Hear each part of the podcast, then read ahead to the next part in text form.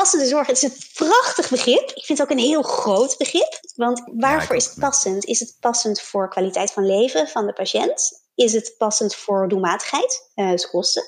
Uh, is het passend hmm. voor de klinische uitkomst, de overleving? Maar het opsporen van patiënten en het in kaart brengen voor wie welke behandeling zou kunnen werken, ja, dat kan denk ik wel makkelijker dan het nu gebeurt. Kunnen we een zorginfarct voorkomen? Ik denk van wel.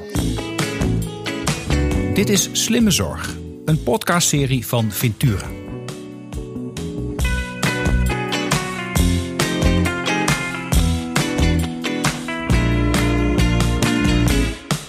Mijn gast van vandaag is Jacqueline Hartgerink. De rode draad in de loopbaan van Jacqueline is het gebruik van data binnen ziekenhuizen voor het leveren van optimale zorg. Na een studie psychologie is zij gepromoveerd aan het Erasmus MC met het proefschrift Opening the Black Box of Integrated Care. En na een periode bij de NFU, de Federatie van de Universitair Medische Centra, heeft ze acht jaar bij DICA gewerkt. Een instituut dat kwaliteit van zorg inzichtelijk maakt met betrouwbare vergelijkingen en analyses. Momenteel werkt Jacqueline als Associate Key Account Director bij Acuvia, waar ze zich in het bijzonder richt op CTQ, een tool die op een slimme manier klinische data uit systemen kan verzamelen. Jacqueline, wat ontzettend leuk dat jij vandaag mijn gast wilt zijn in de Slimme Zorg podcast. We zitten, ik, ik wilde zeggen, het is vandaag een hele frisse dag. Geen idee wanneer deze aflevering wordt uitgezonden. Misschien is het dan eh, wel weer eh, zonnig. Nou, warm denk ik niet. Maar op deze hele frisse dag gaan we toch over een heel warm onderwerp hebben, namelijk slimme zorg. En dat brengt mij bij de vraag die ik eigenlijk altijd stel. Jacqueline, wat is volgens jou slimme zorg? Ja, ik heb echt een achtergrond in data en het meten van kwaliteit van zorg. Dus ik kijk ook echt mhm. heel erg, in mijn geval echt naar de ziekenhuiszorg met een databed. En daarin denk ik altijd in een soort piramide, waarop je mhm. onderop op microniveau heb je alle informatie over die individuele patiënten. Dus alles wat wordt verzameld van consulten, uh, labuitslagen, uh, operatieverslagen, noem maar op, verwijsbrieven. Nou, dan heb mhm. je het middenniveau, het mesoniveau, heb je het leren en verbeteren tussen professionals. Dus dan ga je die informatie die onderop zit, ga je al een beetje aggregeren naar groepen van patiënten of uh, naar afdelingen bijvoorbeeld. En bovenop heb je echt het macroniveau, waarbij je veel meer ziekenhuisbreed gaat kijken. En dan kun je denken aan de meer de verantwoording, naar een inspectie of naar een transparantiekalender van het Zorginstituut. En voor mij is slimme zorg om die drie doelen uh, op een manier met elkaar te verbinden waardoor er geen extra registratielast uh, ontstaat.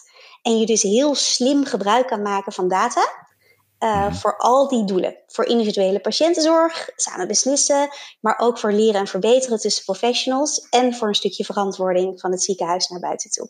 Dat is voor mij slim, als je dat lukt. Ja, dat, nou, als dat lukt, is dat inderdaad slim. Want het bast natuurlijk van de informatie en de data in de zorg. Zeker. Ik, uh, ik spreek nog wel eens met een uh, zorgprofessional. Mm -hmm. uh, klacht, het gaat daar vaak over mooie dingen, maar dan begint het geklaag. Ja. Ik moet van alles opschrijven en, en, en ik registreer me helemaal suf. Ja. Ik kijk meer op het scherm dan naar de patiënt, et cetera, et cetera. Ja. Nou, dat gaan we vandaag niet helemaal oplossen, denk ik. Dus Zeker dat is niet. Dus dat, dat, interessant te doen, allemaal dingen in te voeren.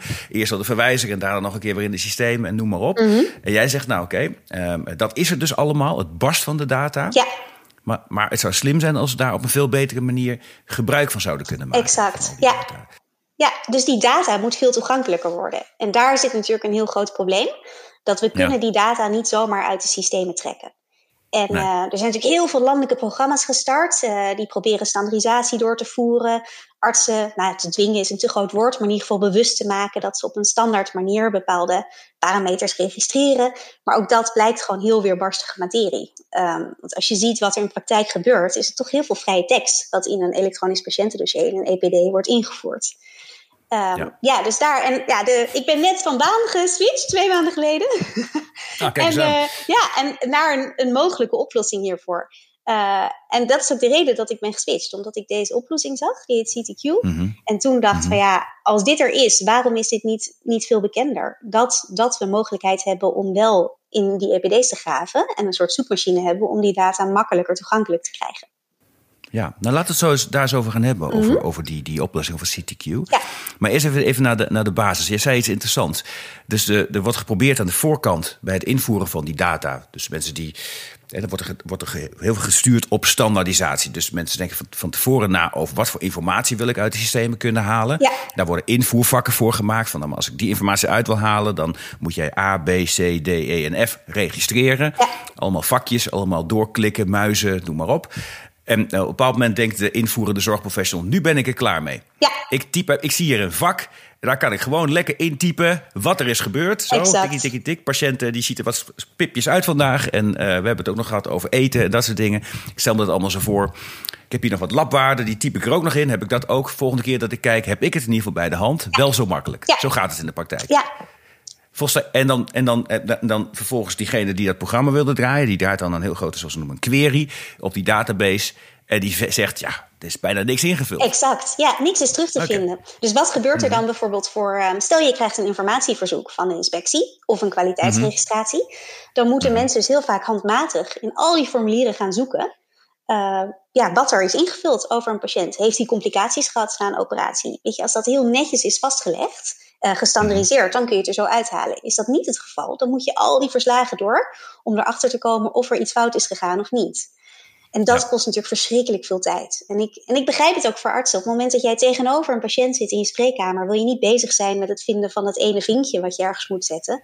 Nee, precies. Maar wil je gewoon Nee. uh, je verhaal kwijt kunnen ergens, zorgen dat het er staat en je richt op die patiënt die er zit. Um, dus daar zit absoluut wel een mismatch op dit moment met wat er wordt gevraagd. Ja. Ja, dus voor die individuele zorg, snap je gewoon een zorgverlener die wil zorg verlenen. En die, zeker, die moet dat vastleggen. Maar ja, als het ingewikkeld is en allemaal vakjes, dan denk je, nou, hup, in het tekstveld. Ja. Maar voor het verbeteren van de zorg en het leren van de zorg heb je eigenlijk toch nodig dat die vakjes gevuld worden. Ja. Wat niet gebeurt, daarom gaan de kansen verloren. Ja. Tenzij je in staat bent die vrije tekstvelden min of meer net zo te gebruiken als die keurige aange, aan te vinken vakjes en, en, en ja, databanken. exact. Ja. Ja. En, en het is even, nou ja, maar, maar daar is inmiddels een oplossing voor. Zou je daar eens wat over kunnen vertellen? ja, dat is CTQ. En dat is een soort, um, een soort zoekmachine in je EPD. Waarbij je Mhm. zelf zoekopdrachten kan, kan samenstellen. Een EPD is een elektronisch patiënt. Elektronisch patiënten, ja. Dus daar staat alle informatie over de individuele patiënt in. En dat is heel Mhm. vaak uh, gestructureerde informatie, zoals uh, DBC-codes bijvoorbeeld, de diagnosecodes. Mhm. Maar ook ongestructureerde informatie, zoals bijvoorbeeld ontslagbrieven of verwijsbrieven. Mhm. En met CTQ is het mogelijk om zelf een zoekopdracht op te stellen en zo in jouw eigen EPD te gaan zoeken naar uh, bepaalde variabelen die je wil weten.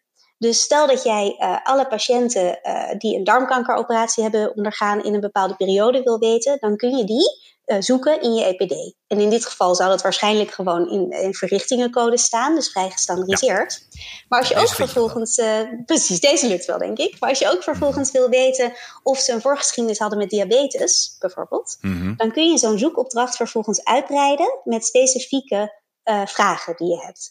En die vraag naar diabetes, die kan dan opgezocht worden in al die informatie die beschikbaar is in zo'n EPD. Dus niet alleen maar gestandardiseerd, of het vinkje bij diabetes mm. aanstaat, maar ook bijvoorbeeld of uh, in de verwijsbrief uh, van een huisarts of van een ander ziekenhuis staat dat er wellicht een voorgeschiedenis was met diabetes. Dus je kan ook in die ongestructureerde gegevens, kun je die uh, data ophalen. En die mm. krijg je vervolgens zelf in een, in een format binnen jouw ziekenhuis om analyses op te draaien. En dat scheelt natuurlijk wel enorm veel tijd. Want je maakt één keer zo'n zoekopdracht. Ja. En die kun je nog mm -hmm. draaien en draaien. Elke dag kun je hem opnieuw draaien. Uh, en ja. elke dag zo dus je data als het ware verversen. Ja, en je, en, je, en je eist niet van die zorgverlener dat hij zich in een keurslijf begeeft. Precies. Hoewel, wat hij niet in, wat hij in, als die zorgverlener niet invoert, dat vind je alsnog niet natuurlijk. Nee, dus nee wat er niet in staat, dat is er niet. Ik bedoel, als, als er nee. niet naar wordt gevraagd of het wordt nergens vastgelegd, ja, dan houdt het gewoon op natuurlijk. Maar als het ja. erin zit, dan is er een hele goede kans dat uh, CTQ het kan vinden. En als bestanden nog niet uh, toegankelijk zijn, ja, daar kan er altijd naar gekeken worden wat er voor nodig is om die toegankelijk te maken. Als er een nieuw type bestand is bijvoorbeeld, wat verzocht moet worden. Ja, dus toen ik dit zag, dacht ik, nou, dit is eigenlijk absurd dat we dat we dit niet breder gebruiken. Of in ieder geval niet het bewustzijn is dat je ook op die manier uh, naar een EPD kan kijken. Want we kijken natuurlijk heel ja. vaak naar de grote aanbieders van EPD's om, deze, om dit op te lossen. Um, ja. Maar daar gebeurt ja, niet heel veel op dit gebied. Uh, in ieder geval is dit nog niet uh, beschikbaar. Dus nee. ja, dan denk ik, jongens, wat zijn we nou aan het doen met al dat handmatig zoeken en extra, extra vragen van professionals of van datamanagers? Uh, terwijl we met zo'n oplossing, ja, die hele piramide waar ik het over had, eigenlijk heel goed zouden kunnen bedienen. Ja. Ja, maar dit is, dit is nog een groot, groot onderwerp. Bijvoorbeeld mm politiek. Ik ben zelf een ex-politicus. Mhm. Ehm, daar ging het nogal eens over die, die, die grote EPD's. En over die, die, die nogal dominante aanbieders daarvan. Ja. Die niet al te flexibel worden gezien. Ja. En die ook een eigen datadomein beschermen. Dus die, die systemen zijn, die kunnen moeilijk uitwisselen onderling. Ja.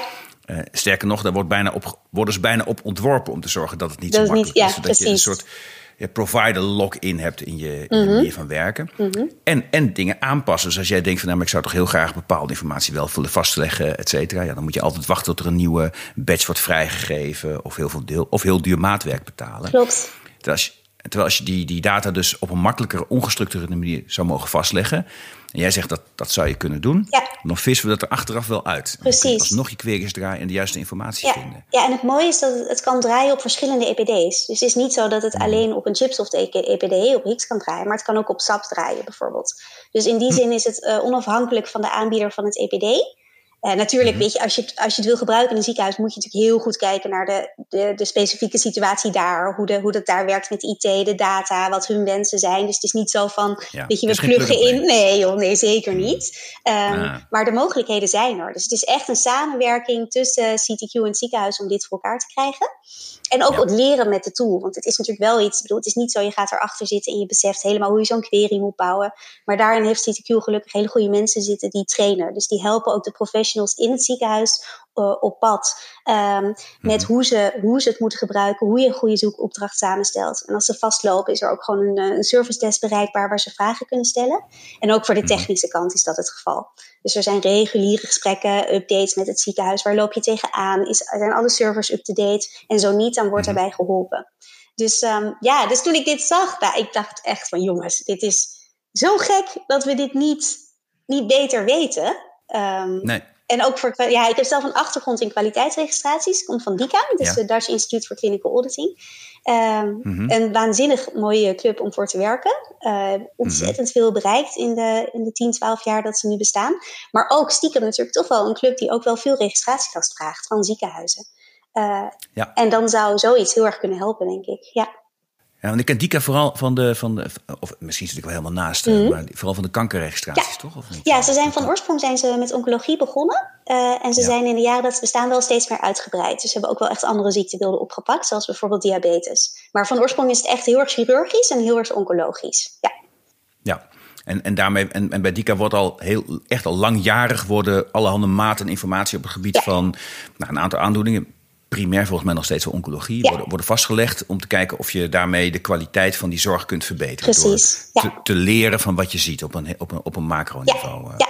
Ja. Ja. Voor mij internationaal ook echt wel eh, wordt daarnaar gekeken van als een hele goede manier van, eh van eh, data verzamelen. absoluut. Ja, Ja. ja. Ja. Maar de registratielast daarvan, zeg jij, is toch wel groot. Ja, het is er. Er, er is toch weinig wat automatisch gaat. Eh, Dus ja, dat hoor ik nu ook van ziekenhuizen. Nu ik juist aan de andere kant zit. Want bij DICA zit je natuurlijk heel erg in de, in de medisch begeleidende kant. Dus je begeleidt medische professionals met de inhoudelijk opstellen van kwaliteitsregistratie. Nu zit ik heel erg aan de, aan de datakant. Aan het eh, begeleiden van ziekenhuizen om data uit hun systeem te halen. En daar krijg ik ook veel vragen van ziekenhuizen. Van, goh, kun je ook met CTQ een DICA-registratie vullen bijvoorbeeld? Eh, dus, ja, ehm, kan dat? Ja, dat kan. Ja. Ja. Ja, als je de query maar zo bouwt. Exact. Als je maar, eh, als je maar bouwt wat Dika wil weten eh, en het in het FD staat, eh, dan, dan kun je heel veel informatie eruit halen. Dus dat is wel heel interessant. Dus daar gaan we nu ook een start mee maken om daar naar te kijken. eh, Van hoe we dat kunnen doen voor ziekenhuizen. En een aantal ziekenhuizen doen het zelf al. Die hebben zelf al het initiatief genomen. Ehm, maar ik denk, ja, heel interessant. Maar Dika is er één. Hè? Je hebt natuurlijk ook de, eh, de NKR, Nederlandse kankerregistratie. Maar je hebt ook de inspectie natuurlijk, met indicatoren jaarlijks. Uh, Ja. Dus je hebt uh, de transparantiekalender, die natuurlijk veel breder is dan alleen DICA. Dus uh, de, de, verplichte indicatoren die ziekenhuizen moeten aanleveren daarvoor. Ook daarvoor zou het wellicht een hele mooie tool kunnen zijn om daarbij te helpen. Ja. Ja. Er is jaarlijks wel veel stress in ziekenhuizen op het moment dat die data moet worden aangeleverd. Ja, en als je het dan uh, door het jaar heen makkelijker kan bijhouden, scheelt dat natuurlijk ook wel heel veel druk uh, aan het eind van zo'n jaar, wanneer je moet gaan rapporteren. Nee, precies. Nou ja, goed. En, als de stress, de stress uh, zou niet moeten zijn, lukt het ons om deze informatie uit de systemen te halen. Want die kun je dan hopelijk wegnemen. Mhm. De stress blijft natuurlijk of iemand het wel opgeschreven heeft. Exact. Ja. Dat, ja dus Dat, dat blijft. En dat maak je dan makkelijker. Maar goed, uh, als iemand iets niet registreert, dan haal je het op. Nee, en of je aan alle normen en alle benchmarks, of je een beetje aan het uh, gemiddelde voldoet. Is natuurlijk ook spannend wat eruit komt uiteindelijk. Ja, ja daar komt ja, maar goed, dat, dat is wat anders. Maar dus dat is normaal. Daar, daar zijn die dingen ook voor bedoeld. Ja. Ehm, en die zijn niet bedoeld om tot stress te leiden op het gebied van automatisering, invoeren, overspannen zorgprofessionals en meer van dat. Nee, al, uh. precies.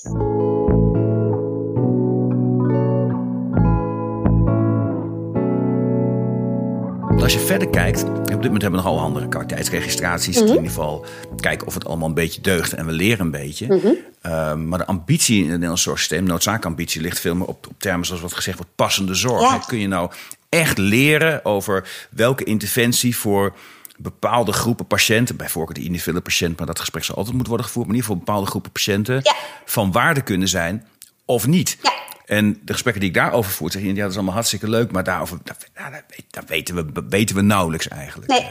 Daar hebben we veel te weinig kennis voor. Ja. Is het nou een haalbare ambitie om dat wel straks te kunnen? Um, ik Vraag denk, ik jou als data-expert? Ja, als data-expert. nou ja, weet je, als, het, als je mij vraagt passende zorg, dan zul je eerst moeten weten wat werkt voor welke patiëntgroep. Dus dan mhm. kom je toch ook wel weer op studies terecht. Uh, en, en, uiteindelijk hoop je natuurlijk dat zo'n studie ook daadwerkelijk de richtlijn haalt in de zorg. Dus dat het niet bij een wetenschappelijke publicatie blijft, maar dat het ook mhm. het, ja, het medisch handelen vervolgens het zorgproces gaat beïnvloeden. Um, en als ik dan vanuit data kijk, ja, wat, wat veel, um, waar ik veel onderzoekers mee zie struggelen, is de juiste patiënt vinden voor de studie. En ook hiervoor is bijvoorbeeld de Patient Finder die een CTQ heeft. Daarmee kun je dus heel specifiek um, naar zoekcriteria zoeken binnen een patiëntpopulatie. Dus stel jij wil uh, een studie doen um, voor darmkankerpatiënten, ik zeg maar wat hoor, uh, mm. tussen de 71 en 72 jaar oud, met een hele specifieke genmutatie, ik zeg maar iets, mm-hmm. dan kun je dus ja. die zoekopdracht draaien op al jouw patiënten. En vervolgens die patiënten die daaraan voldoen, uh, uitnodigen om deel te nemen aan een studie. En dan kun je mhm. natuurlijk wel veel gerichter gaan checken met real-world data, dus data uit de echte praktijk, of een mhm. behandeling wel of niet gaat werken. Um, Dus ik denk, ja, ik vind passende zorg, het is een prachtig begrip. Ik vind het ook een heel groot begrip. Want is het, ja, ook, is het zorg die passend is? Ja, voor, voor, waarvoor is het passend? Is het passend voor kwaliteit van leven van de patiënt? Is het passend mhm. voor doelmatigheid, uh, dus kosten? Uh, is het passend voor de klinische uitkomst, de overleving? Dus ik vind dat, dat lastig. Maar het opsporen van patiënten en het in kaart brengen voor wie welke behandeling zou kunnen werken, ja, dat kan denk ik wel makkelijker dan het nu gebeurt. Ja. Oké, maar dat is aan het voorbeeld van jou toegaan. Die, die darmkankerpatiënten, mm -hmm. 71, 72% met een bepaalde genmutatie. Mm Je kunt zeggen, nou, dan, dan, dan, gaan we die allemaal uitzoeken om studies mee te doen. Ja. Dan ga je richting de toekomst proberen dingen te ontdekken. Ik kan me voorstellen dat je, als je dit soort slimme queries kunt draaien en, en, en kunt onderzoeken. Dat je ook zegt, nou laten we eens, zouden we nou iets kunnen bouwen over meerdere instituten heen. Om retrospectief te kijken in deze doelgroep van wat we, weten. Terwijl ik met een. Stel, ik heb die patiënt tegenover maar ik ben arts. Ja. En ik weet dat hij die genmutatie heeft. En de vraag komt: zullen wij deze behandeling nog proberen? We hebben afgetast. Uh, ja, zeg maar, kwaliteit van leven. Ja, ik vind overleving belangrijk. Ik wil nog één keer met mijn kleinkinderen op vakantie, noem eens wat. En dat is, dat is misschien haalbaar met een bepaald middel. Mm Maar je hebt, ja, wellicht werkt het, wellicht werkt het niet. En je zou deze je zou uit kunnen, kunnen, kunnen vergelijken dan voor vergelijkbare patiënten wat er in het verleden is opgeleverd met, deze, met dit geneesmiddel. Ja, dat zag wel. In theorie is dat haalbaar. Dat is zeker haalbaar. Ja, ja, want je kan gewoon terugzoeken in het verleden. Dus je kan al die patiënten die ooit uh, die mutatie hebben gehad, kun je, mm kun je terug blijven zoeken in je EPD, zolang ze er nog in staan natuurlijk. Maar dat zal lange termijn zijn, verwacht ik. Dus je kan inderdaad uh, lang ja. terugzoeken.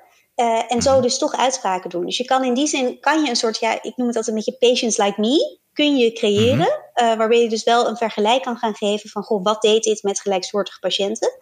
Uh, en zo dus ook veel meer, ja, dat samen beslissen met een patiënt mogelijk veel makkelijker maken. Uh, omdat je dat met mhm. data kan ondersteunen. Van uh, kijk, deze, deze meneer of mevrouw, deze groep patiënten had dezelfde uh, diagnose, zat in dezelfde ziektefase. En toen we dit middel gaven, was dat nog het effect. Maar met deze bijwerking, terwijl met, met dit middel hadden we dit effect. Ja, en dan kun je inderdaad wel voor die patiënt passende zorg. Dus dan kijk je heel erg vanuit patiëntperspectief. Wat denk ik een hele mooie invalshoek is voor passende zorg. Ja. Ja, ja, dat denk ik ook. Dus het is wel een beetje toekomstmuziek, hè? Zoals Zeker, schetsen. ja, Dus, de- ja. dus dit is, dus dit is technisch al in principe allemaal mogelijk. Er kan heel veel, ja. Ja. Ja. dat kan heel veel. Ja. Maar dan zul je heel breed dit soort toepassingen moeten Moet je moeten- veel breder gaan toepassen. Ja, en je Ja. moet... ehm, eh, ja, je moet het veel breder gaan toepassen. Dat is denk ik het geheim van dit soort applicaties. Als je het op een paar plekken doet, weet je, dan blijft natuurlijk Mhm. je, je bereik is beperkt en je, je populatie is ook beperkt over wie je het kan zeggen. En vooral bij zeldzame aandoeningen heb je natuurlijk een Ja. veel grotere populatie nodig om ook echt iets te kunnen zeggen over de uitkomsten. Ja. Eh, dus dan Ja. een groter bereik wel echt heel belangrijk. Ja, en, toch is, en toch is dat wel een belangrijke ambitie ook. Omdat op dit moment alles rondom passende zorg inderdaad ook in studies wordt gegozen. En dan wordt er gekeken van, nou, kunnen we... ehm, ik heb ooit de Sjoerd Rapping van de, van, van, die, van, van de club Zor- Zorgevaluatie en Gepast Gebruik in deze podcast gehad. En die zijn echt heel erg bezig van nee, patiënten. En, en, het, zit, wordt allemaal, het is allemaal verzekerde zorg, maar we weten eigenlijk niet wat beter is. Ehm, eh, moet je bij iemand die iets breekt, moet je een spalk leggen of moet je gipsen? Nou, dat is een klassiek voorbeeld, maar er zijn er nog veel meer. Ja. En om daarachter te komen, dan moet je al die groepen moet je gaan zoeken, van uitzoeken. En dan moet je langjarige studies doen en Ja. uitkomsten meten. Ja, het duurt op. En dat is ontzettend allemaal- lang. Ja. Het duurt heel erg lang, heel erg lang. En dan gaan we erover vergaderen en dan passen we een richtlijn aan. En een richtlijn is eigenlijk ook weer niet dwingend. En nou, vijf jaar doorlooptijd op zijn minst. Ja, zeker weten. Ja. Terwijl het personeelstekorten en ingewikkelde afwegingen, die, dat speelt dan nu. Ben je nou, als je nou dit soort ontwikkelingen. Is het dan. Nou, laat ik het anders. Is het dan haalbaar om met behulp van tools zoals CTQ dit soort ontwikkelingen te versnellen? Ja, nou, wat je doet is dat je, je, je zet dus geen klinische studies op, waarbij je Nee. extra data moet verzamelen. Maar je kan kijken naar real-world evidence, zoals wij het noemen. Dus data die er al is uit de praktijk. Het nadeel is dat als je in het verleden een bepaalde variabele of bepaalde informatie niet hebt gemeten, dat je die dus ook niet hebt. Dus als je die nodig hebt om een uitspraak te doen, ja, dan zul je aanvullend eh, iets moeten doen. Maar als je wel kan kijken naar de informatie die er in het verleden al, al op natuurlijke wijze is verzameld, kun je die dus heel makkelijk naar voren halen en gebruiken. En het mooie vind ik van real-world evidence is dat je geen eh, patiëntgroepen uitsluit. Dus als je een breder onderzoek hebt, ehm, dus bij een klinische studie probeer je natuurlijk je populatie eh, klein te houden, hele specifieke inclusie- en exclusiecriteria. Terwijl bij real-world evidence kun je in principe een hele grote groep includeren en vervolgens gaan kijken wat het doet. Voor wie werkt het wel of wie werkt het niet. Dus je mist ook Ja. minder op die manier. Ja, dus de- ik denk zeker dat dat een enorme trend wordt. En dat zie je ook wel met DICA natuurlijk. Op DICA-registraties worden ook heel veel eh, PhD's geschreven, eh, heel, veel, Mhm. heel veel wetenschappelijk onderzoek gedaan. En dat is eigenlijk allemaal real-world evidence. Dus data die ja, in de praktijk wordt verzameld. Behalve dat DICA soms wat meer uitvraagt dan er standaard in het EPD staat. Dat zeg ik er wel bij. Eh, dus dat is dan wel het geval. Ja, Nee, maar goed, dat heeft ook echt een wetenschappelijke basis. Dan, Precies, dan wil je ja. ook, ook veel weten en dan Ja. wil ik vooruitkijken. Ja. Ja, want het, het is inderdaad wel de trend hoor. Want het, het- blijft een uitdaging.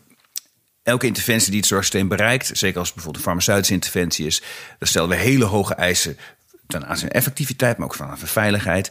En toch, om die veiligheid te kunnen garanderen, worden trials, nou, met- laten zeggen, nog niet gedaan met de standaard patiënt die uiteindelijk het geneesmiddel krijgt. Nee, precies. Ja, ja en, En dat, die wil je eh, hebben. En dat, ik bedoel, ja. Als je het over passende zorg hebt, is dat misschien wel de ultiem passende zorg. Dat je, eh, dat je behandelingen zo, zo gaat, gaat, gaat toetsen eh, op die standaardpatiënt. En niet op die patiënt die ook open staat om mee te doen aan een trial bijvoorbeeld. Of die net aan die hele specifieke criteria voldoen. Want je hebt natuurlijk ook veel patiënten die willen überhaupt niet meedoen aan trials. Dat kan natuurlijk ook. Nee, is Ja. een goed recht natuurlijk. Ja, uiteraard. Ja. Niet Ja. nieuwe proefpersoon zijn. Nee, maar de, hoe, hoe verre dat afwijkt, dat is me altijd bijgebleven. Mhm. Als Tweede Kamerlid mocht ik eh, eh, op werkbezoek in Utrecht. En dat ging, ging over, dat ging over darmkanker. Mhm. Ging over darmkanker. En, ehm, en die specialisten, die vroeg mij op een bepaald moment... Liet ineens, dat liet me ook allemaal zien wat voor dingen ze allemaal niet moest invullen. En noem maar op, al die vakjes. Nou, iedereen die eens een EPD heeft gezien. Het is echt een verschrikking hoeveel je moet invullen. Mhm. En eh, allemaal begrijpelijk. Hè, het is allemaal begrijpelijk, maar je, je klik je helemaal suf, ook als arts. Ehm, maar ehm, op een bepaald moment stelden ze mij de gewetensvraag van... Arno, ehm, hoe oud denk jij dat mijn gemiddelde patiënt is? Ja. En eh, joh, ik, heb, ik heb zelf, mijn, mijn, mijn broer is overleden aan kanker, toen was hij 36. Mijn vader is overleden aan kanker, die was 66. Oh jee. Toen dacht ik, toen dacht ik ja, ja, ja, die waren al, nou ja, dat zeg maar jong, Voor mij, ja. voor mij was dat mijn referentiekaart. Ja, ja, eh, ja, ja. Dus Ja. een gemiddelde darmkankerpatiënt, ja, die zal wel eh, 52 zijn of zoiets, zoiets, zoiets heb ik gezegd. Ja, dan zat ik toch minstens 20 jaar Ja, op, klopt. te ja. laag. Ja. Te- en minstens, hè? Ja. En ehm, eh, dus dat, dan zit je dan heel erg na. Nou ja, dan kom je dus op een gemiddelde leeftijd van ruim boven de 70. Dat betekent dat ook ongeveer de helft van de patiënten ouder is dan in de 70. Dus heel veel patiënten echt heel erg oud. En, die, en, en nou, er is nog nooit een geneesmiddeltrial op een hele oude patiënt gedaan met drie extra aandoeningen, vier extra aandoeningen, hartfalen, noem maar op. Ja. En toch moet je dan als arts op een bepaald moment in het kader van, nou ja, dat doen, doen tegenwoordig een passende zorg een beslissing nemen van wat doen we met deze patiënt? Ja. Nou, Klopt, ja. Deze oncoloog zei, ik ga er maar data lezen. Ik ga dan die, die, die onderzoeken van die geneesmiddelen lezen. Daarin vind ik niks. Nee, die, die past mij... bij deze populatie. Nee, gek is dat, hè? En dat is dus de grootste groep. En dat wordt natuurlijk nog veel meer. Doe met de vergrijzing en, en met de... We, we stapelen natuurlijk ziektes. De comorbiditeit wordt natuurlijk gigantisch. Um, Omdat we zo ongelooflijk veel kunnen, maken we het onszelf ook wel heel ingewikkeld qua zorg die we moeten verlenen. Um, Nee, ja, dit, ja dit, uh, dit is mij bekend. Ik viel ook van mijn stoel toen ik dit voor het eerst hoorde. Dat darmkankerpatiënten, of, of, de gemiddelde leeftijd zo hoog is, had ik ook niet verwacht. Nee, nee absoluut niet. Nee. Met een, en een heel heftig ziektebeeld, hè? moeilijk te behandelen ook. Mm -hmm. ja. Um, ja. En, dan die, en dan die afwegingen maken. Dus dat, dat, dat ja, de buitenwereld die daar ook over oordeelt, zegt ja, maar dan onthoud je ouderen een behandeling en noem maar op. Ja. de vraag is, word je ermee geholpen? Het is geen feestje om een. Uh, nee, exact. Nee. nee, maar dat is natuurlijk heel. Dat is, vind ik in Nederland sowieso wel. Dat we zijn. We behandelen natuurlijk heel veel. Dat zit ook wel heel erg in mhm. ons denken, denk ik. En ik denk mhm. inderdaad ook. Uh, ja, het niet behandelen is natuurlijk ook een keuze. En uh, wat ik heel interessant vind, is dat in heel, heel, veel registraties wordt dat ook niet meegenomen. Dus daar wordt uitgegaan van behandelen. Uh, Terwijl de behandeling wordt geregistreerd. Maar wat, wat gebeurt er met de groep die niet wordt behandeld? Die hebben eigenlijk veel minder inzicht dan de groep die wel bijvoorbeeld een behandeling ondergaat. Dus dat is natuurlijk ook uh, ja, met zo'n uh, teruggaan naar het EPD om juist daarop te zoeken. Dus iemand die wel een diagnose heeft voor darmkanker, maar die geen behandeling heeft ondergaan, of misschien een ander mhm. type behandeling, om dat dan af te zetten tegen de groep die meer de traditionele behandeling krijgt, is natuurlijk ook een waanzinnig interessante casus om te gaan doen.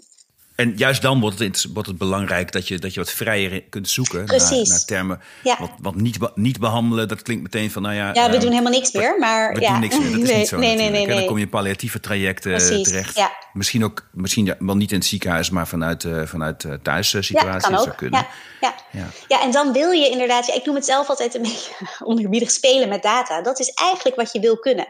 Dus je wil zoeken naar het gat, waar de kansen liggen... En daarin moet je, naar mijn idee, moet je veel vrijer kunnen denken. Uh, en niet al helemaal vastzitten in, in een bepaalde dataset. Ja, en dan helpt terug naar de bron waar het, de basis wordt vastgelegd. En die informatie mm beschikbaar maken. Dat helpt daar wel enorm bij.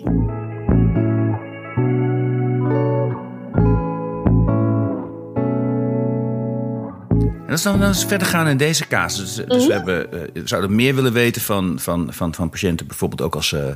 Uh, na een diagnose afzien van een curatieve behandeling. Mm Misschien wel een palliatief traject ingaan. Het palliatief traject vindt zich grotendeels een plaats in de thuissituatie. Ja. Um, uh, maar de thuissituatie wordt niet vastgelegd in het systeem van het ziekenhuis. Nee. Het zit dan in het systeem van de huisarts of van de wijkverpleegkundige. Ja. Noem maar op. Ja. Uh, ik zie een datahel aankomen ja. om daar nog wat uit te halen. Dat, uh... Klopt. Nee joh. Ja, nou mijn, mijn ideaal is natuurlijk dat bij CTQ ook in... We zitten nu echt in ziekenhuizen, maar het zou natuurlijk top zijn als we ook naar huisartsen kunnen. Al is daar het, het registratielandschap nog veel meer versnipperd dan, dan in de ziekenhuizen. Dus de aanbieders van, van hun EPD, zou ik maar zeggen, is, is nog veel diverser. Waardoor het ook veel moeilijker is om daar natuurlijk een, een tool op te maken die voor iedereen bruikbaar is.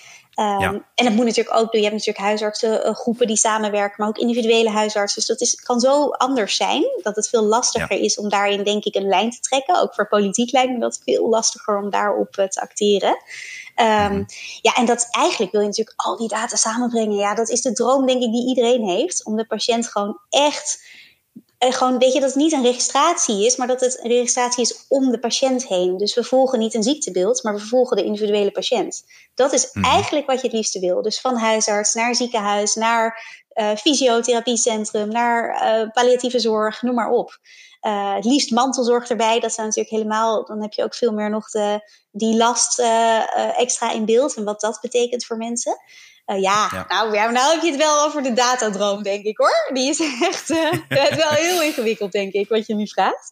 Maar dat zou wel perfect zijn. Nou ja, dat, dat is ingewikkeld als je probeert het allemaal samen te brengen in één systeem met allemaal gestandardiseerde data en noem maar op. Dat gaat, dat gaat niet lukken. Misschien als we ooit nog een, als we als ooit het bochtje hadden genomen Nederland van één centraal patiëntensysteem. Mm Wellicht, hoewel dan ook eeuwig conclusie uh, hadden gehad van hoe moet het dan uitzien, wat leggen we vast, wat leggen we niet vast. Ja. Dus, dus misschien moeten we ons een beetje neerleggen bij het feit dat die diversiteit er is.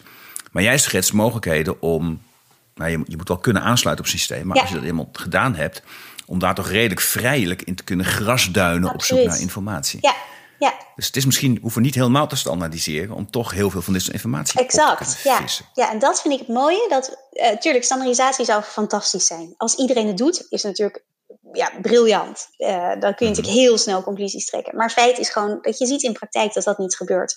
Staat er heel veel in brieven staat, vrije teksten, niet gestructureerd. Ja, en om dan wel een zoekmachine te hebben die het eruit kan halen, um, dat is denk ik heel, heel veel waard. Maar op dit moment, als ik jou goed begrijp, worden, worden, worden jullie vanuit CTQ vooral ingehuurd door ziekenhuizen. Ja, dus absoluut. Dat is echt onze ben... primaire groep. Ja. Oké, okay. want het ziekenhuis wil dan op zoek naar, structureel beter op zoek naar bepaalde informatie. Of wil misschien makkelijker kunnen aanleveren. Precies. Wat zijn dan de ja. redenen? Ja, het zit op verschillende. Het zit soms op onderzoekersniveau. Dus er zijn uh, bepaalde onderzoeksvragen. Uh, waarvoor ze heel graag uh, informatie uit het EPD halen. Nou, dan kun je twee dingen doen. Of je gaat zelf zoeken, handmatig. Ja. Of je neemt CTQ en je kan het gewoon veel makkelijker draaien. Uh, en het mooie is dat wanneer je één, als één ziekenhuis een zoekopdracht maakt, uh, kan je die ook draaien in een ander ziekenhuis. Dus je ziet okay. ook uh, onderzoeksregisters die, die in meerdere ziekenhuizen draaien. Ja, en dan scheelt het je natuurlijk wel enorm veel tijd als je zo'n zoekopdracht gewoon kan overnemen en op hetzelfde of een eigen EPD kan draaien. Dus voor onderzoek wordt veel gebruikt. Maar we zien ook steeds meer dat het voor andere doeleinden wordt gebruikt. En dat vinden we zelf natuurlijk wel super om te zien, omdat je er zoveel meer mee kan.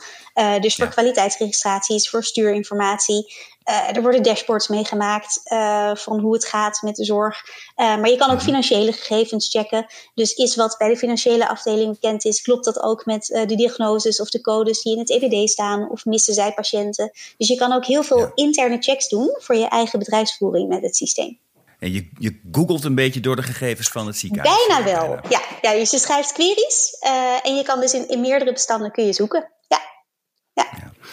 Maar, nou, maar op basis van wat jij vertelt, kan ik me voorstellen dat, uh, uh, dat bijvoorbeeld een club als de IGJ er belang bij zou kunnen hebben dat partijen op deze manier aanleveren. Ja, zeker weten. Is, is, is, is het denken al zover dat, uh, dat, uh, dat, Nog dat overheden, nee. toezichthouders en dergelijke zeggen? Nog nou, ja. niet. Nee, het is wel een stap die we nu willen gaan maken. Dus uh, mm. dat is ook wel heel erg waar ik zelf heel erg op focus. Omdat ik soms denk, jongens, waarom is het nog niet bekender dat dit kan? Uh, dus er zijn gewoon heel veel programma's bij de overheid waarin ze, waarbij ze eigenlijk ook tegen dataproblemen aanlopen. Dus een programma wat ik zelf veel mee heb gewerkt in het verleden is uitkomstgerichte zorg. Um, ja. Dus daar maken ze um, uitkomstindicatoren sets voor, ik geloof 52% of zo van de ziektelast. Dus het zijn gigantisch veel uitkomstindicatoren sets. Um, en wat ik wel mooi vind aan het programma is dat ze heel breed zijn. Dus ze pakken niet alleen uh, de chirurgische kant van darmkanker, maar ze pakken de, het, de volledige behandeling, proberen ze te pakken. Um, maar VWS noemt het implementeerbare sets. En daar zit crux. Uh, dat ze heel moeilijk zijn om vervolgens die data aan te leveren door ziekenhuizen. Omdat ze het gewoon niet makkelijk uit hun EPD halen zelf. Ja, en nee, juist omdat ze zo breed zijn en omdat precies. je zoveel nodig hebt om dat hele verhaal aan elkaar te kunnen Exact, brengen. ja. Dus dan moet je ja. dus zo ongelooflijk gaan zoeken. Ja, en daarvoor zou CTQ, voor zo'n programma, denk ik een ongelooflijk mooie ondersteuning zijn. En inderdaad ook voor een inspectie. Dus, uh, dus het is ja. wel een stap die we willen gaan maken nu. Juist ook naar, naar het ministerie gaan. Uh, om te laten zien van, joh jongens, dit kan. Hoe kunnen we jullie ook helpen met het, het verzoek wat jullie hebben... Um, om aan jullie programma bij te dragen. Uh, want ja, ja het doel van het programma is niet op papier te opleveren, maar daadwerkelijk de zorg verbeteren. Dus hoe kunnen we jullie helpen met die stap maken van het papier naar echt die zorg verbeteren met data in het ziekenhuis? Ja, en wel relevant, want zorguitkomsten is heel iets anders dan, uh, dan procesinformatie Precies. Die, die, die je vastlegt. Ja. En voor, voor de luisteraar, dat, dat heel veel kwaliteitsinformatie gaat over of. Uh, nou, weet ik wel, wat, welke, welke waarden eruit komen uit, uit een lab. En of, of de wond goed geneest. En of er netjes is gewerkt. En of er nog complicaties zijn geweest. Dat is eigenlijk allemaal procesinformatie. Mhm. En we gaan er maar vanuit, als je al die procesinformatie stapelt, dat je dan kwalitatief goede zorg hebt geleverd. Het zegt ook wel degelijk iets over kwaliteit. Mm. Het zegt vooral over dat je datgene wat je zou moeten doen, netjes en conform protocol hebt gedaan. Dat, dat kunnen we uit systemen halen. Maar de daadwerkelijke uitkomst voor de patiënt is een stuk ingewikkelder. Ja. Patiënt, pijnvrij wil vaak nog wel, het leggen nog vast. Maar of iemand zijn of haar leven een beetje kan oppakken. Of iemand weer goed kan lopen. Uh, ja. Conform de verwachting zoals die er was. En wat is goed lopen? Iemand die al toch al heel slecht kon lopen. Maar kan nu wel weer voor en achter in de tuin. Is een geweldige uitkomst. Terwijl als iemand eerst hardlopen was. En nu alleen nog maar kan wandelen. Dan is de uitkomst niet goed. Ook al heb je. Nou, dat zijn, dat zijn uitkomstmaten toch? Ja, absoluut. Het, ja. En die zijn moeilijk uit systemen. Veel moeilijker. Ja. Dus je hebt eigenlijk. Wat jij ook zegt zijn vooral denk ik ook wel PROMS. Dus Patient Reported Outcome Measures. Dus dat zijn echt ja, door de. uitkomsten natuurlijk. Ja, precies. En je hebt natuurlijk ook echt klinische uitkomsten. Uh, waarop, uh, en die zijn vaak wat harder, zoals langetermijnoverleving of uh, een follow-up bijvoorbeeld. Dus ook altijd heel lastig mm. uit het systeem te halen. Is een patiënt teruggezien of niet? en zo ja, wat waren toen dan de uitkomsten van de patiënt? Waren er klachten of niet? Um, dus ja, beide zijn, zijn een stuk lastiger uit systemen te halen. Dat klopt, absoluut.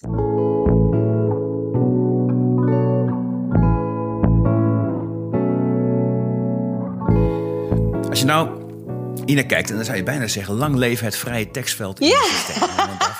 ja, iedereen vrije tekst. Oh nee. Iedereen vrije, ja, ja? vrije tekst. Ja, ik, ik, nou ja, ik, ik, ik, heb, uh, ik heb wel iemand te gast gehad hier in de podcast. Die, uh, dat ging iets meer over vrije tekst. Met heel veel artificial intelligence. Uh, zorgverleners hielp om hun input in systemen te doen. In principe wel op op de juiste plekken dat het dan terecht kwam. Mm En dat ging over, over verpleegkundigen die uh, aan het bed staan en uh, dan ter plekke een paar constateringen doen.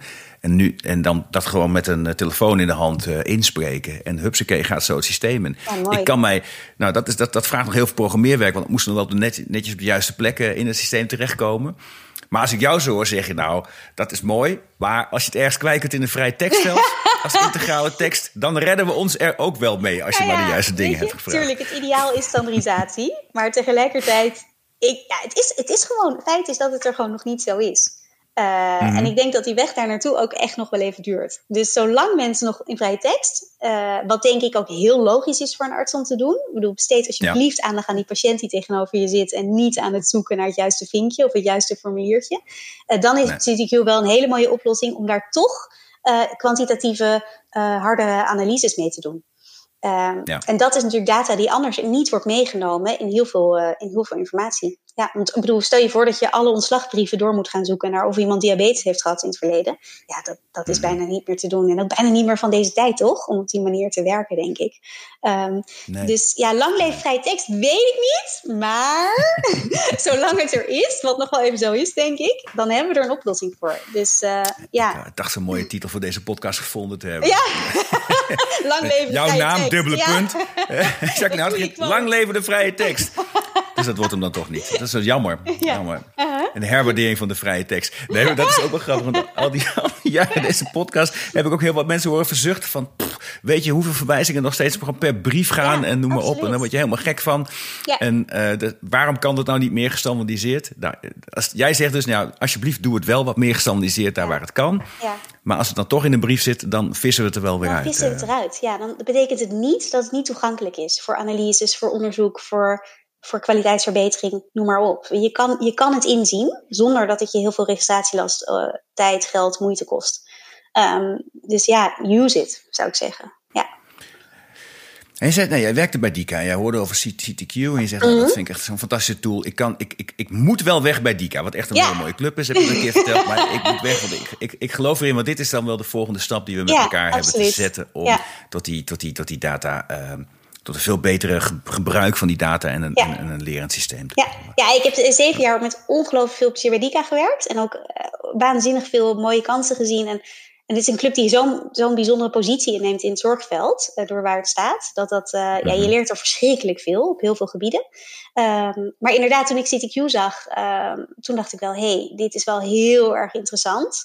Uh, om ook juist DICA-registraties verder te helpen, maar ook andere registraties. Dus vandaar voor mij de overstap. Uh, dus ik voelde meteen wel een soort vuurtje van: hé, hey, volgens mij kunnen we dit veel groter maken en bekender maken dan het is. En ook heel veel oplossingen bieden. Uh, mm -hmm. Want ik heb wel bij DICA veel mensen zien, zien stoeien, uiteraard. Ik denk dat iedereen die met data werkt, en al helemaal een datavragende partij, die ziet ook het stoeien van de ziekenhuizen ermee. Absoluut. Ja. Mm -hmm. Ja. Maar wat staat nu als je nou kijkt naar vanuit dat registratieperspectief, DICA-perspectief? Mm -hmm. wat gaat, wat, wat, welke hoop heb je nou, of welke verwachting heb jij, wat nou zometeen veel beter gaat als we breder dit soort tooling zouden gebruiken dan, dan in het verleden? Wat, uh, wat, valt er echt te winnen? Wat ik me kan voorstellen, nou, wat ik denk is absoluut registratielastvermindering. Dus dat er minder handmatig mm -hmm. moet worden opgezocht. Ik hoop ook dat doordat je minder handmatig hoeft te doen, dat je regulierder de, uh, de registraties gaat vullen. Dus dat je niet mm-hmm. zegt van nou, ik ga eens in de drie maanden maak ik iemand vrij om te gaan zoeken. Maar we draaien elke week zeg maar iets die query. En zo includeren we meteen uh, nieuwe patiënten. Dus je hebt meer up-to-date informatie, zonder dat het je extra ja. werk kost. Um, en ik denk ook uh, dat het super interessant is om te kijken wat het met validiteit doet. Want misschien missen we wel nu informatie. Die handmatig niet wordt gevonden, die wel in het EPD staat, maar misschien net in een brief of een veld, uh, wat niet wordt onderzocht nu bijvoorbeeld. Uh, dus ik, ik, ben ook wel heel nieuwsgierig van als we die breder gaan gebruiken, wat, dat, uh, wat je dan tegenkomt qua, qua verschillen daartussen. Um, ja. Dus ik hoop dat we een rijkere data krijgen zonder dat we meer vragen van mensen. Dat is een beetje de samenvatting. Ja, misschien wel minder vragen van mensen. Precies, ja. Begrijp. ja. Omdat je je krijgt, je krijgt een aanlevering by design. Je moet wel één keer die query heel goed maken. Precies, ja. Dan ben je, dan ben je wel mee bezig. Hè? Dus ja, aan de voorkant, absoluut. Dus weet je, het is niet zo... Uh, ja, joh, het is niet zo van nou, hey, uh, je plucht in en je bent klaar. Het is wel zo dat als één ziekenhuis die query heeft gebouwd... dat je hem dus kan delen met andere ziekenhuizen.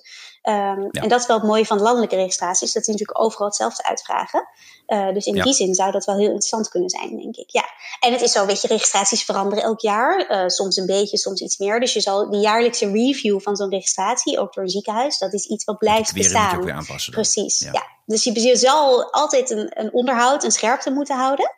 Um, maar in die zin kan er heel veel handwerk komen te vervallen. Ja. Dus, dan, dan, dan, dus, de, dus uiteindelijk wordt dan ook de kwaliteit van die registraties. Zou kunnen, ja. Zou, zou beter moeten worden. Ik hoop het wel. En, zelfs, ja. en als je niet beter wordt, dan op zijn minst wordt het makkelijker om aan te Precies, ja. ja. En daarmee, nou ja, daarmee verbetert de kwaliteit uiteindelijk ook. Want dan zullen meer mensen meedoen en ja. dan, dan blijven dingen meer up-to-date. Ja. ja, weet je, we hebben natuurlijk heel veel over DICA, omdat dat mijn achtergrond is. Maar je hebt natuurlijk ook ja. uh, Nederlandse kankerregistratie, je hebt de NHR, Nederlandse hartregistratie. Je hebt natuurlijk heel veel registraties die meer onderzoeksminded zijn. Uh, dus minder op, uh, op transparantie of kwaliteit, maar echt voor onderzoeksdoeleinden. Ja, en ook daarvoor zou het natuurlijk heel goed gebruikt kunnen worden. Uh, en dat zien we ook wel hoor, dat ook onderzoeksregistraties sneller naar CDQ toe, toetrekken nu. Uh, omdat het meer van oorsprong een wat onderzoeksgericht karakter had. Uh, en nu zie je langzaam die verbreding komen naar ook kwaliteitsverbetering of stuurinformatie. Ja, ja precies. Helemaal het begin van de podcast hè, dan had je het over die, die, die piramide van data. Ja. Dus aan de onderkant heb je het individu. Uh, de middenkant heb, dan, dan heb je dat mesoniveau, uh, waarbij je groepen patiënten vergelijkt. Dan heb je het macroniveau, de impact op het systeem. Heb ik dat een yes. beetje goed, uh, ja, goed. goed samengevat? Hè? Ja. En eigenlijk bekijken we hem altijd van onder naar boven. Hè? Dus ja. we, hebben, uh, we behandelen patiënten, daar komt informatie van. Nou, dat helpt ons uh, om wellicht voor, voor de toekomstige patiënt het beter te doen in op dat mesoniveau, in het lerende.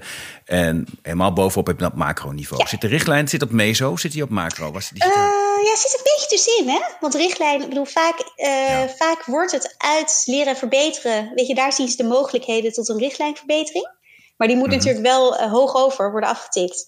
Uh, dus door ja. de Federatie Medisch Specialisten en zo. Dus ja, die zit er een beetje tussenin. Ja. Ja. Dus als je nu kijkt naar die DICA-registratie, dat zit daar, dat is, dat is, is dat meso-niveau? Ja, die zit meer op meso. Of, primaire doel is meso.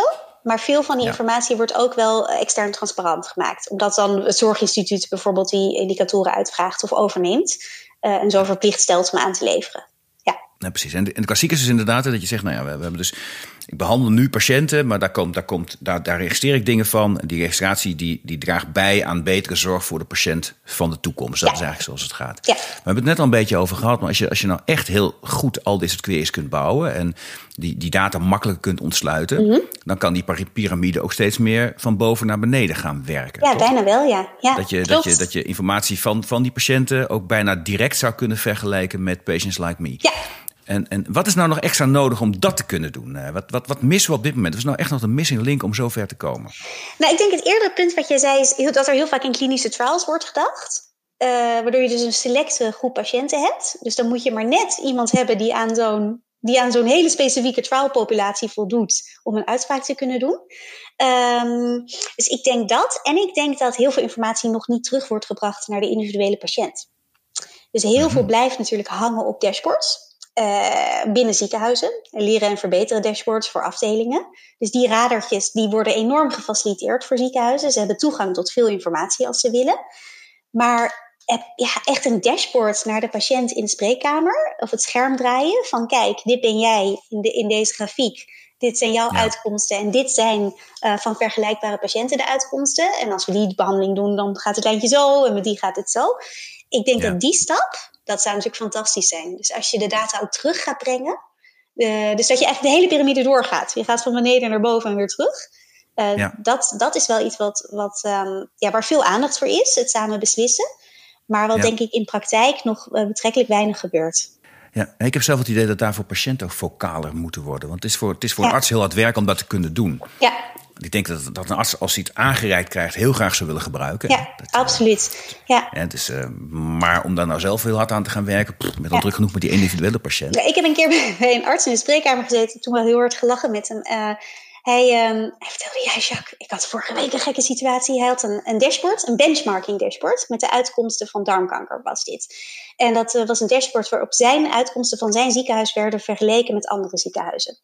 Um, en die verschilden allemaal uh, niet significant van elkaar. Weet je, dus het was, het was prima vergelijkbaar. En hij had een patiënt tegenover zich zitten en hij wilde wat uitkomsten laten zien aan die patiënt. Dus hij draaide zijn scherm en hij liet dit dashboard zien. En hij begon een beetje te klikken en wat verschillende dingen. En op dat moment deed zijn ziekenhuis het ietsiepietsie minder goed dan de andere ziekenhuizen. Geen significant verschil, maar dook net een klein beetje eronder. En die patiënt die flipte. Die zei, ja, ik zit dus in het verkeerde ziekenhuis. Ik wil hier weg. dit is niet geen goede zorg.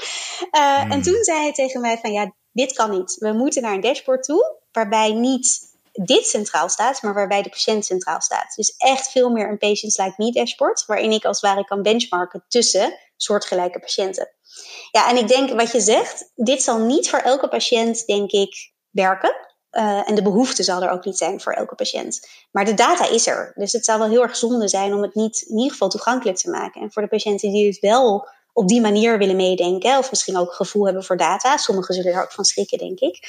Um, mm. Om het wel mogelijk te maken, is denk ik wel een hele mooie stap.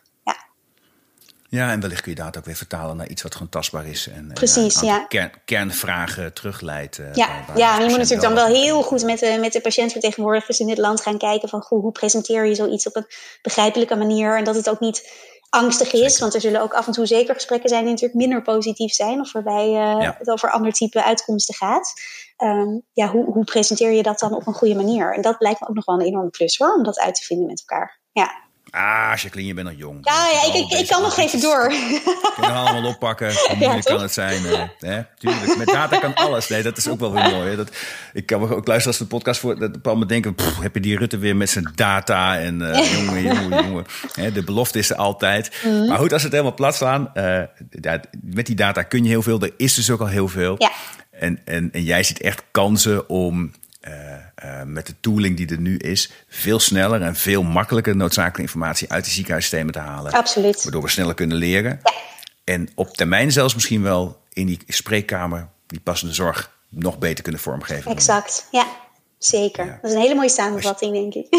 Oké, okay, als je nog één wens voor de toekomst mag uitspreken, wat zou er nou in, het, in ons zorgsysteem moeten doen om dit te kunnen versnellen? Wat, wat heb, je, heb je daar? Uh, vertrouwen.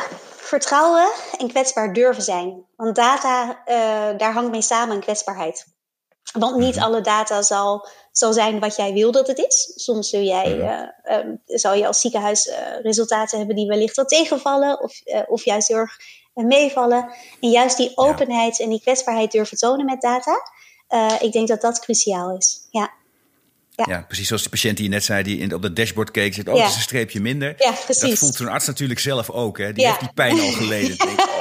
ja. En maar, maar, ja. maar die prik is bedoeld om te denken van, god, dan kan het wellicht, dan exact. kan ik leren en dan wordt het beter. Want er zal altijd, als je data verzamelt, iemand boven de streep en iemand exact, onder de streep. ja. En daar een bepaalde kwetsbaarheid en geen hard oordeel naar elkaar, maar dan gaan kijken, joh, nee. wat is aan de hand, hoe, of hoe kunnen we helpen, of hoe kunnen we leren van elkaar. Ik denk dat dat mm -hmm. op al die drie niveaus cruciaal is.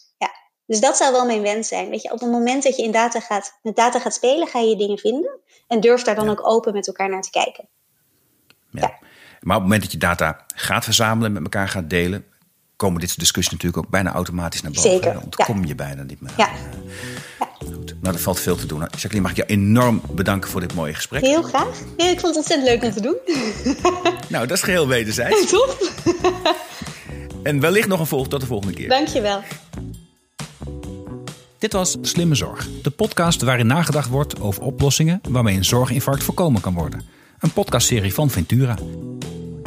Abonneer je op deze show via iTunes of Spotify en voel je vrij om een review achter te laten. Ik vind het zelf enorm leuk om te lezen wat jullie van de podcast vinden. Je mag me ook mailen op podcast.ventura.com. Vond je de podcast leuk? Dan heb ik een opdracht voor je. Vertel over de podcast aan een van je vrienden of collega's. Mijn naam is Arno Rutte. Dit was Slimme Zorg. Je hoort mij over twee weken weer in een nieuwe aflevering.